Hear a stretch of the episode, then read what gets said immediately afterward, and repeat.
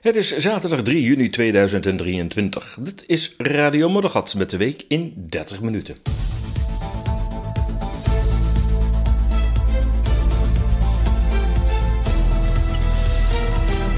Ja, het is dit jaar 90 jaar geleden dat de nazi's in Berlijn verboden boeken op de brandstapel gooiden. En Twitter, die stapt uit het censuurverdrag met de Europese Unie. Je moet maar durven.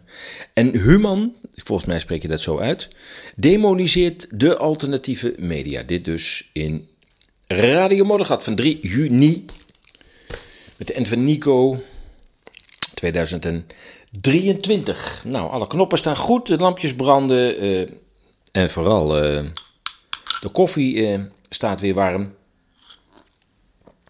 Het, is, het is mooi weer op het moment dat dat dit opgenomen wordt. Maar volgens mij blijft het voorlopig nog wel even mooi weer. Wat dat betreft, ja, zitten er toch ook wel voordelen aan climate change. Het is toch wel heel mooi weer de laatste ja, week, anderhalve week. Hè? Geen klagen, geen klagen, geen klagen. Ja, 90 jaar na de nazi-boekverbranding, precies. Dat was in mei, om precies te zijn, 10 mei. En um, ja, op Twitter eh, kreeg ik daar een best wel een vreemde reactie op. Die had dan um, de website bekeken, die zag die foto met die, uh, met die nazi-types er allemaal op rondom dat vuur in Berlijn uh, staan. En ja, daarmee was er ESAS meteen een nazi-website met juichende nazi's op de site. Ik denk, ja, lieve schat, volgens mij heb je nog niet eens de titel gelezen die, die onder de foto staat. Je bent wel heel snel in je oordeel. Nou ja, hoe dan ook. Het is dit jaar 90 jaar geleden dat in Berlijn studenten, jawel, onder toezicht van de elite van de naties, op de, uh, op de Operenplaats, nu de Weberplatz, in hartje Berlijn boeken tegen de Duitse geest op de brandstapel gooiden. Het markeerde het begin van een censuur tegen alles wat het regime niet beviel. Parallellen met onze tijd van overheidscensuur berusten natuurlijk op louter toeval. Die datum 10 mei 1933, die moet je onthouden, want dat is een zwarte dag voor de vrije dekkers geweest. Maar ook voor hoog aangeschreven auteurs van die tijd, zoals Erich Kästner, Kurt uh, Tucholsky, Karl von Orzicki, klinkt als Poolse namen, en Heinrich Mann. Niet alleen in Berlijn gaan rond 10 mei 1933 impopulaire boeken in vlammen op. Ook in Dresden, Halle en Greifswald verbranden studenten boeken. Je weet, de studenten, dat zijn onze, dus het verlichte deel van de natie. Nou, in dit geval de nazi's. Maar goed, het waren uitgerekend universiteitssteden waar in opdracht van het nationaal socialisme duizenden boeken werden verbrand. Orden van wetenschap en cultuur. De universiteiten waren tegen alle verwachtingen in leidend in het in de band doen van onduitse boeken. Veel boeken die werden verboden en die op de brandstapels gingen, waren niet toevallig van veel Joodse auteurs. Er ging erbij niet alleen om de inhoud van de boeken. Uh, schrijvers die de naties als onwelgevallig beschouwden, moesten ook toezien op het boekverbod of de verbranding van hun werk. De boeken werden demonstratief op openbare pleinen verbrand nadat ze uit de lokale openbare en particuliere bibliotheken waren verzameld. Naar schatting gaat het om boeken van meer dan 300 filosofen, wetenschappers, dichters, romanschrijvers en politieke auteurs. Het Amerikaanse tijdschrift Newsweek sprak destijds van een Holocaust of Books. Niet alleen gewone burgers woonden de boekverbrandingen bij, maar ook studenten, rectoren van universiteiten en professoren. Zij verzamelden zich op de Opperenplatz in Berlijn, op pleinen van Greifswald, Kiel, Hannover en andere universiteitssteden. In Hamburg vond de verbranding overigens vijf dagen later plaats vanwege de overvloedige regen.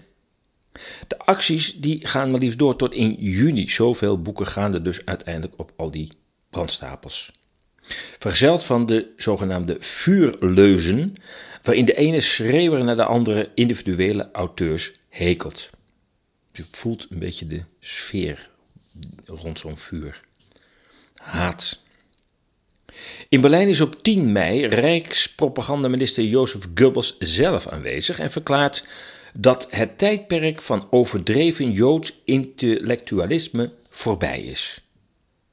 Goebbels, die Duits studeerde en zijn proefschrift schreef bij een Joodse professor, maakte zo de weg vrij voor de vernietiging van honderden on-Duitse, tussen aanhalingstekens, literaire werken. Alleen al in Berlijn werden tijdens de boekverbrandingscampagnes meer dan 20.000 boeken verzameld en verbrand. De datum van 10 mei 1933. Uh, wacht even, dit is uh, dubbel.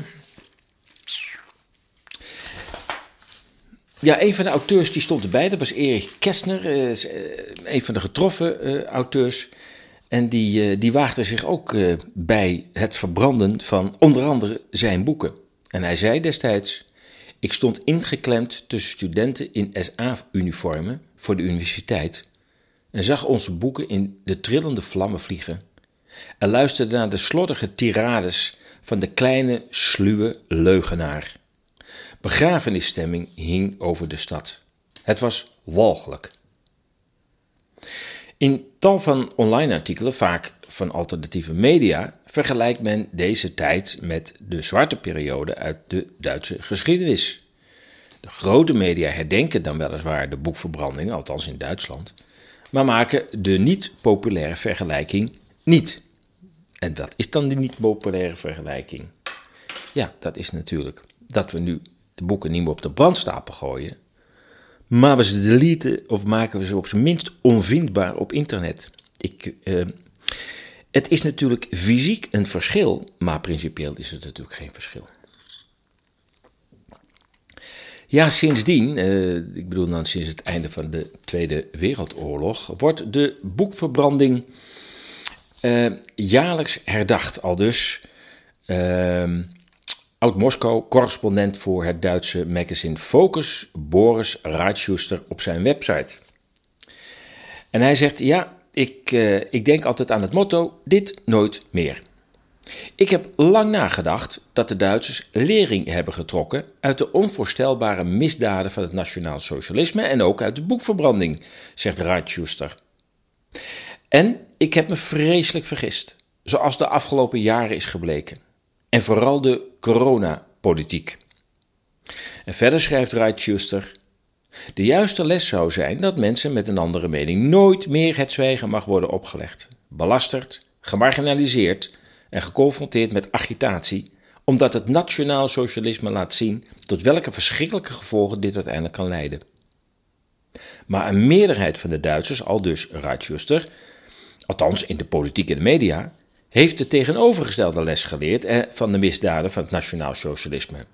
Dat mensen met een andere, in hun ogen verkeerde mening monddood gemaakt, belasterd, uitgesloten en geconfronteerd met agitatie bedekt moeten worden.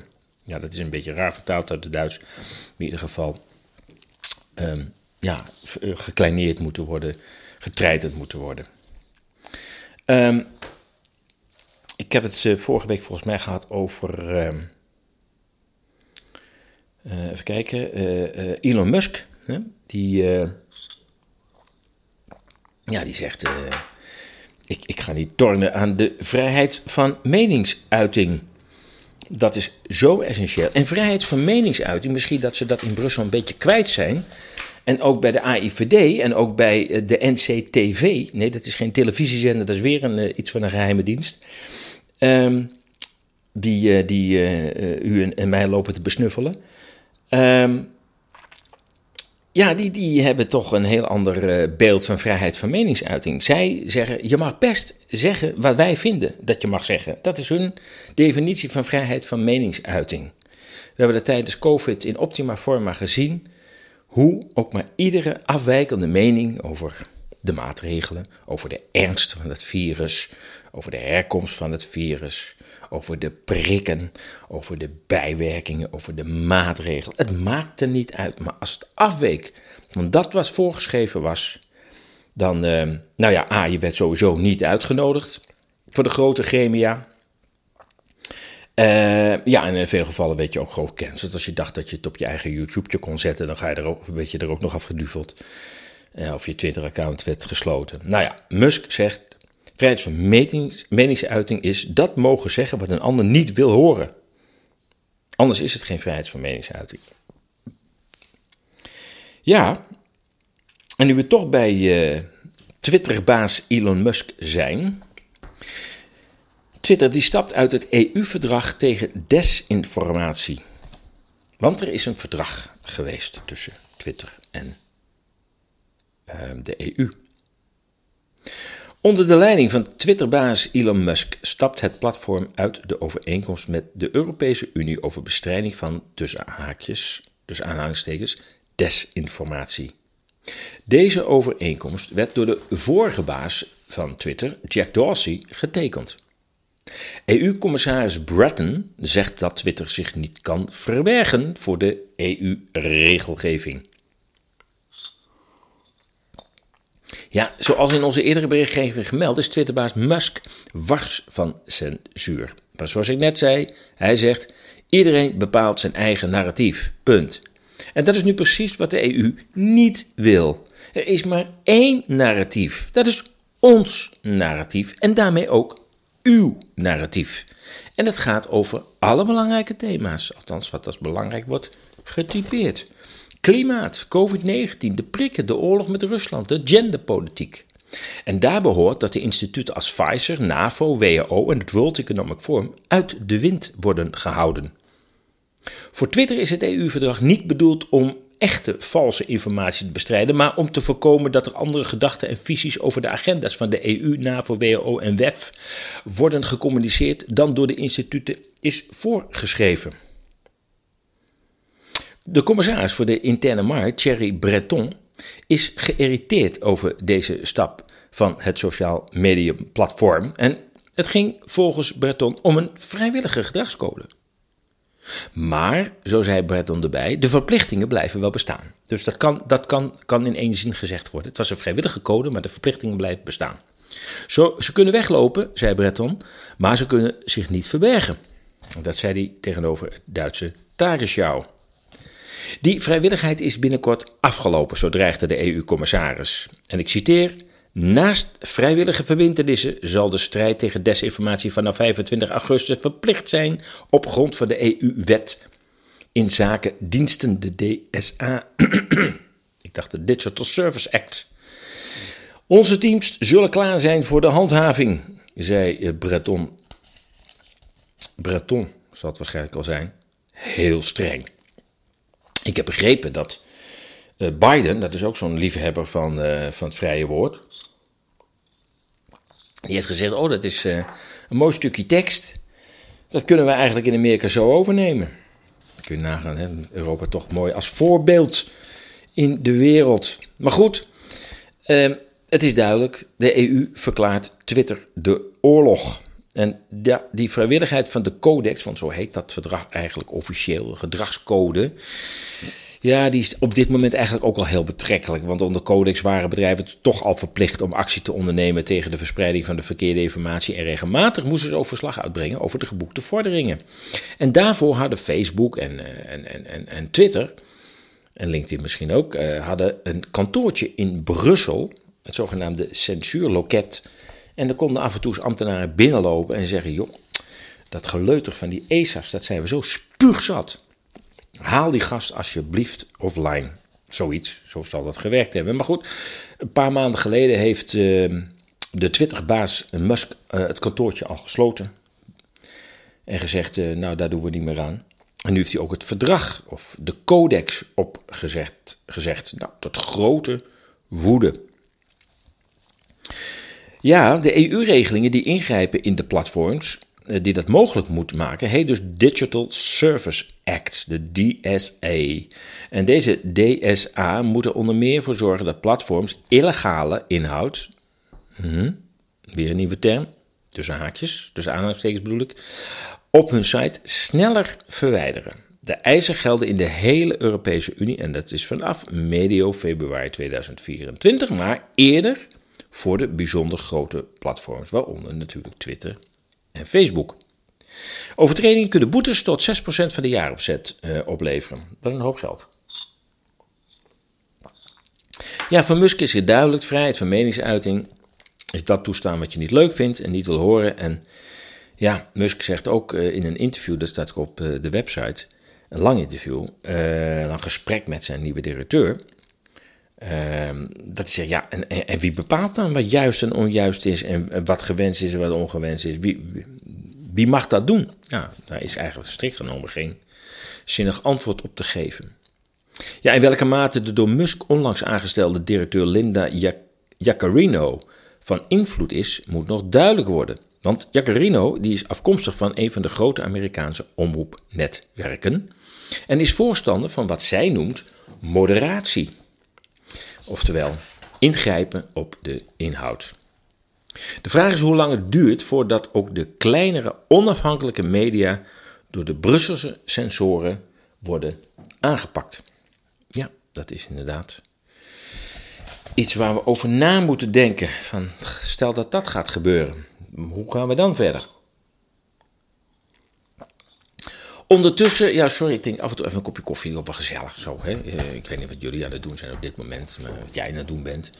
Maar misschien zie je ook, ook wel lekker met een kopje koffie uh, te luisteren. Of uh, ja, het kan ook zijn dat je met deze podcast in slaap valt, omdat je denkt, ja, het is zo slaapverwekkeld. Binnen 10 minuten ben ik vertrokken. Goed, maar ja, gaat Twitter dan op zwart in de EU? Want zou dat de consequentie kunnen zijn? Nou ja, de Engelse krant Daily Star speculeert er al op dat deze stap van Musk om, onder zijn, om, om de onder zijn voorganger gesloten censuurovereenkomst uh, om die te cancelen, om nou toch maar eens het woord te gebruiken, dat het wel kan betekenen dat Musk überhaupt geen Twitter meer voor de EU-gebruikers zal gaan aanbieden en de dienst in Europa beëindigt. Stopzetting betekent dat ook talloze bestuurders en politici hun ei niet meer aan een groot publiek kwijt kunnen. Vooral voor hen die niet zo goed liggen bij de reguliere media, zullen daardoor hun online achterban verliezen. De online speurders van de NCTV en de AIVD krijgen het eigenlijk ook een stuk moeilijker. Als de kritische burgers zich over tientallen alternatieve kanalen gaan verspreiden, dan wel hun kanalen wat beter gaan beveiligen.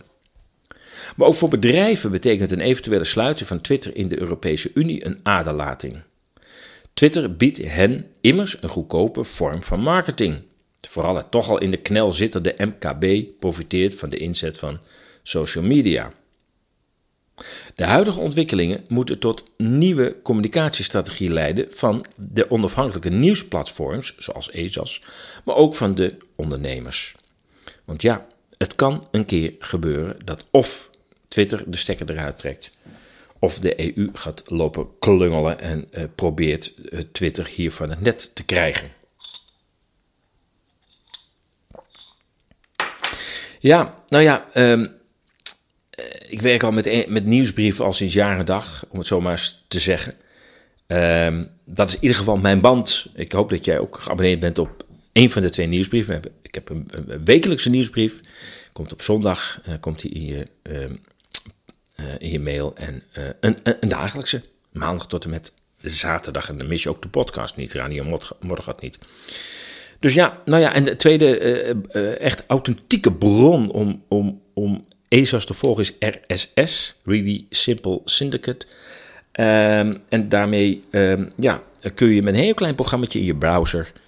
Uh, krijg je een klein signaaltje in, in, je, in je browser dat er weer een nieuw bericht is op de websites die je met RSS volgt. voordeel van RSS is overigens ook dat het volstrekt anoniem is. Ik kan helaas uh, niet eens zien hoeveel mensen uh, ESA's via RSS volgen. Ik heb geen idee, want het wordt aan deze kant gewoon niet gezien. Het wordt niet geregistreerd. Het zit helemaal bij jou in je eigen laptop, in je eigen browser. En er kan verder niemand bij. Um, dus ja, in termen van privacy is RSS uh, een, het is eigenlijk een best wel een heel oud uh, toeltje. Maar ja, volgens mij wordt het weer razend actueel. Het wordt volgens mij ook al heel veel weer gebruikt. En ik denk dat nou ja, nieuwsbrieven en RSS toch voor een aanzienlijk deel het eventueel wegvallen van Twitter kan kunnen opvangen. Maar ja, of het zover komt, is natuurlijk de vraag. Duidelijk is in elk geval dat de ontsporende autoriteiten die kritische burgers als anti-overheidsextremisten wegzetten. Je moet maar lef hebben als overheid om dit eh, op papier te zetten. En hen de mond willen snoeren, hun hand beginnen te overspelen. Honderden tech-ondernemers sleutelen inmiddels wereldwijd aan een ander decentraal internet. En als die ontwikkelingen, aangejaagd door de obsessieve censuurreflex van overheden, doorzetten, raakt de overheid helemaal de grip op de digitale communicatie kwijt. Bovendien zullen steeds meer mensen gaan zien dat hun overheid zich tegen de in grondwetten vastgelegde burgerlijke vrijheden keren. Ja, ik, zou, eh, ik, ik beveel je zeker nog even aan uh, de twee artikelen uh, die op de uh, website staan over Twitter. Eén gaat, nou eigenlijk zijn er al drie. Eén gaat over dat Musk zegt, ja, ik wil ook de kleinere nieuwsplatforms gewoon een podium bieden. Hij zegt, ik heb heel veel goede ja, burgers, journalisten online gezien. En die moeten ook een podium hebben. En die zijn, wat mij betreft, zei hij, net zo gelijkwaardig als de grote media. Daarom is het vinkje ook bij heel veel grote media verdwenen. Tot grote woede van onder andere de BBC. Hallo, wij zijn toch de BBC. Wij horen toch een vinkje te krijgen. Nou, dat zei uh, in een mus zo vanzelfsprekend. Is dat dus niet meer. Ja, ja, ja, ja, ja.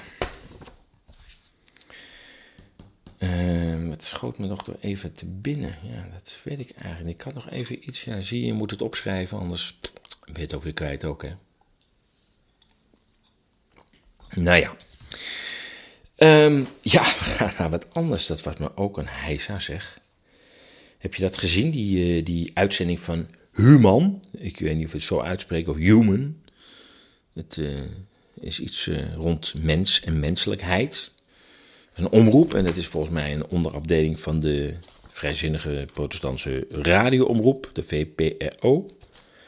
En uh, die hebben een uitzending van 38 minuten gemaakt onder de naam Media, uh, uh, heet het geloof ik, of iets dergelijks. Ja, Argos Medialogica. Kijk.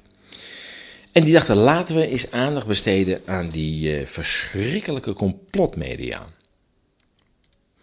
Ze hadden dus de behoefte om die alternatieve media, om het maar eens even zo te zeggen, of vrije media, of nou ja, hoe je het ook allemaal noemt, eens in de schijnwerpers te zetten. En niet om een objectieve en journalistieke reportage te maken, nee, om een doorsnee televisiekijker of de doorsnee televisiekijker te waarschuwen dat je hier met een antisemitische, complotverspreidende klik te maken hebt.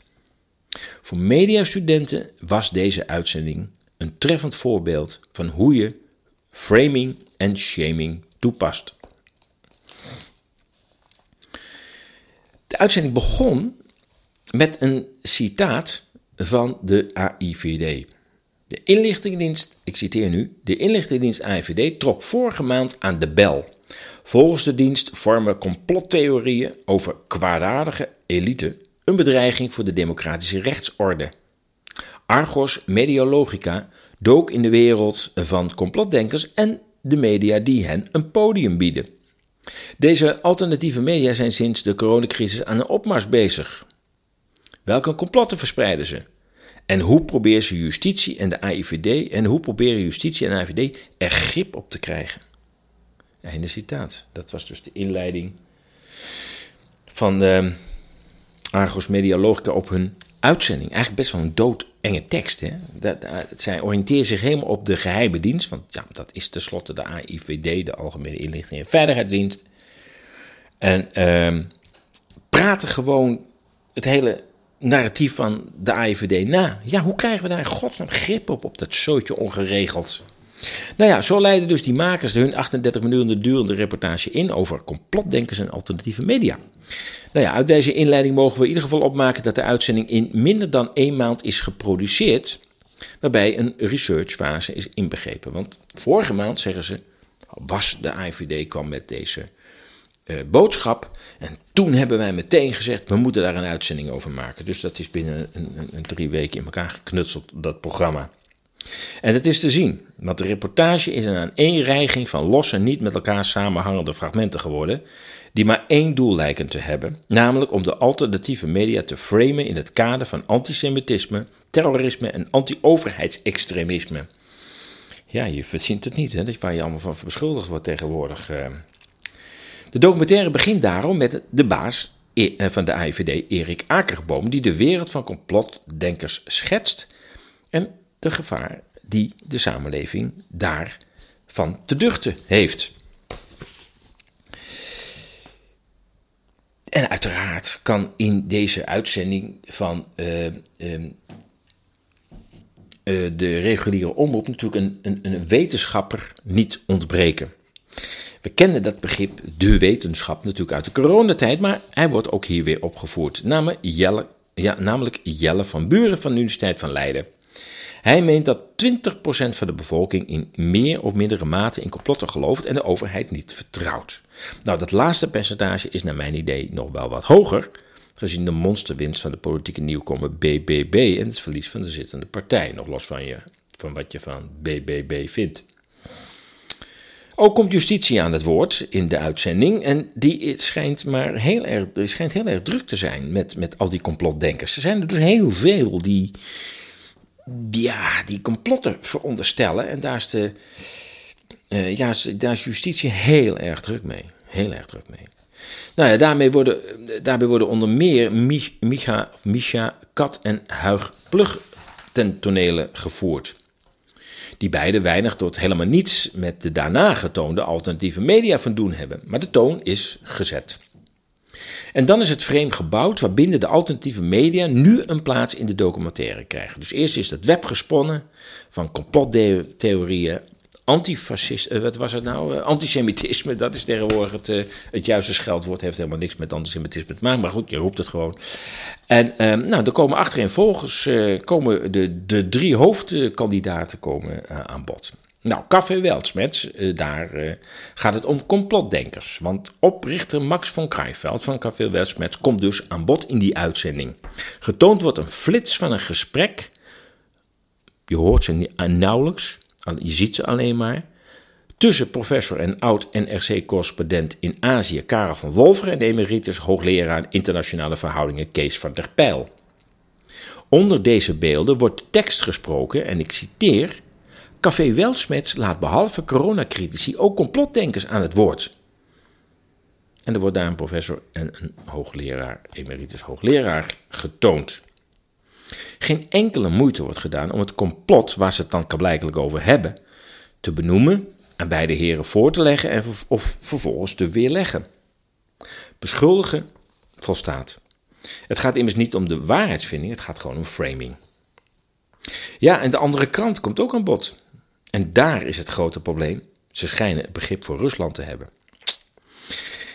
En uh, ja, dat, uh, dat, dat hebben de uh, Human um, programmamakers ontdekt. En dat blijkt voor hun al reden genoeg om de krant in de verkeerde hoek te plaatsen. De makers hebben geen belangstelling voor de redenen overigens voor dat begrip. Ook schijnt het dat de andere krant een startkapitaal van 100.000 euro heeft ontvangen van een bevriende eigenaar van een fietsenfabriek. Het zal je maar overkomen.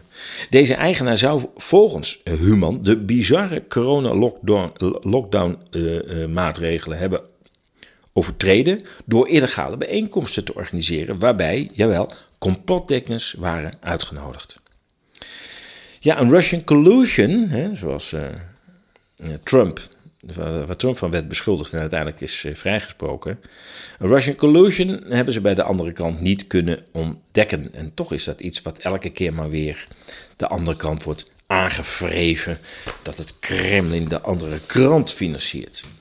Hoe krijg je het uit je mond? Nou, Blackbox, dat heeft een ander probleem, want Blackbox is antisemitisch. Bij Blackbox, ten onrechte als een YouTube-kanaal met dagelijkse uitzending aangekondigd, gaat het wel mis. Een van de regelmatige gasten aan tafel van Blackbox blijkt beschuldigd en veroordeeld te zijn voor antisemitische uitspraken. Als de eh, geciteerde uitspraken kloppen, is dat natuurlijk verwerpelijk.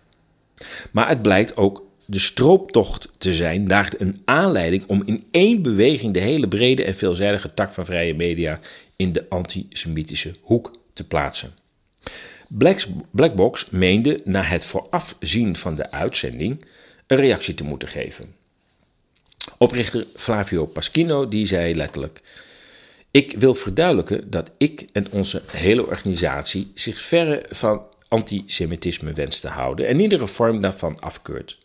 We hadden geen weet van deze uitzendingen en eh, van deze uitingen van die eh, gast die regelmatig aan tafel wordt uitgenodigd en zijn erdoor verrast, maar hebben dankzij jullie informatie kennis genomen van het feit dat Ripke, Ripke Zeilmaker gaat het over, veroordeeld is en zijn straf reeds heeft gehad.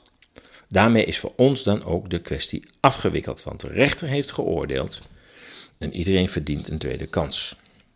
Dat is een deel van de wat langere reactie eh, van Flavio op eh, de uitzending.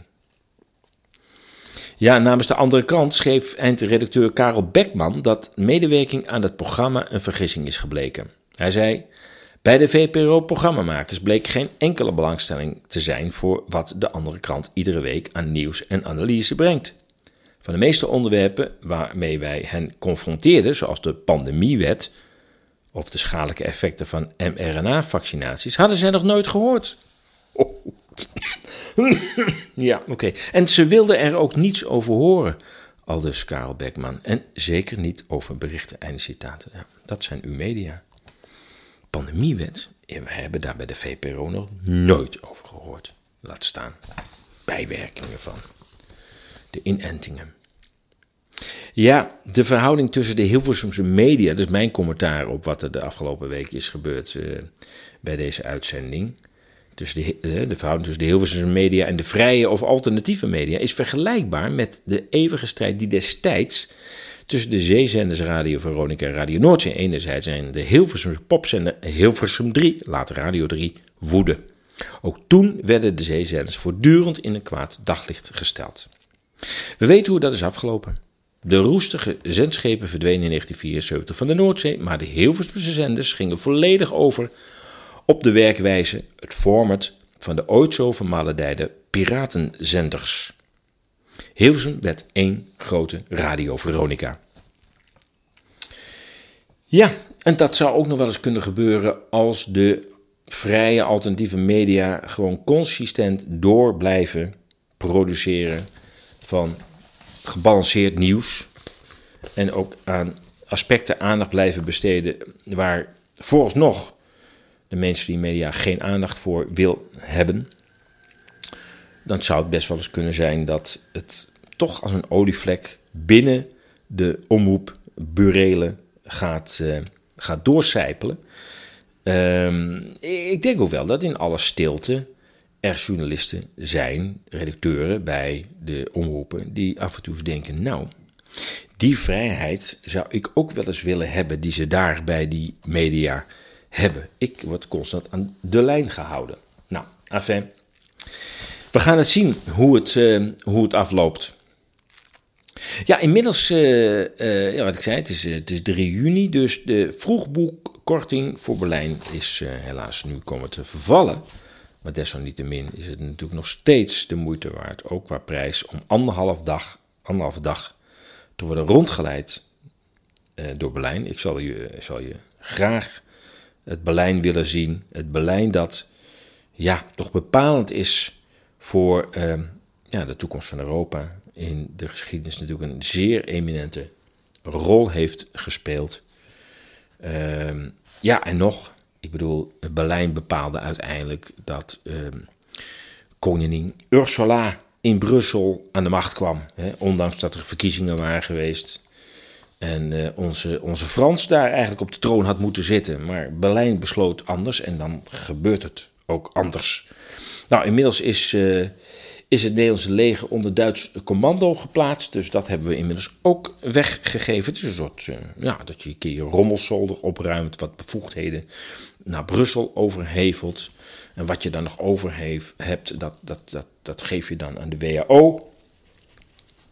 En het hele kleine restje wat nog over is, dat geef je gewoon aan de minister. Dan hebben de parlementariërs ook niet zoveel werk meer. Maar goed, mijn rondleiding in Berlijn, want ik leid je dan rond, gaat dus over, over Duitsland in het, in, in, in het verleden, maar ook juist in deze tijd en de toekomst. Waarom is Berlijn zo'n essentiële stad? Wat heeft dat te maken met de geografie, de ligging van de stad? En hoe is het ingebonden tussen aan de ene kant de Verenigde Staten en aan de andere kant uh, Rusland? Nou, als je geïnteresseerd bent om in september, want daar gaat het om, in september mee te gaan, nogmaals, de tour duurt een anderhalve dag, een hele dag en nog een ochtend. Ehm, nou, kijk dan even op de website.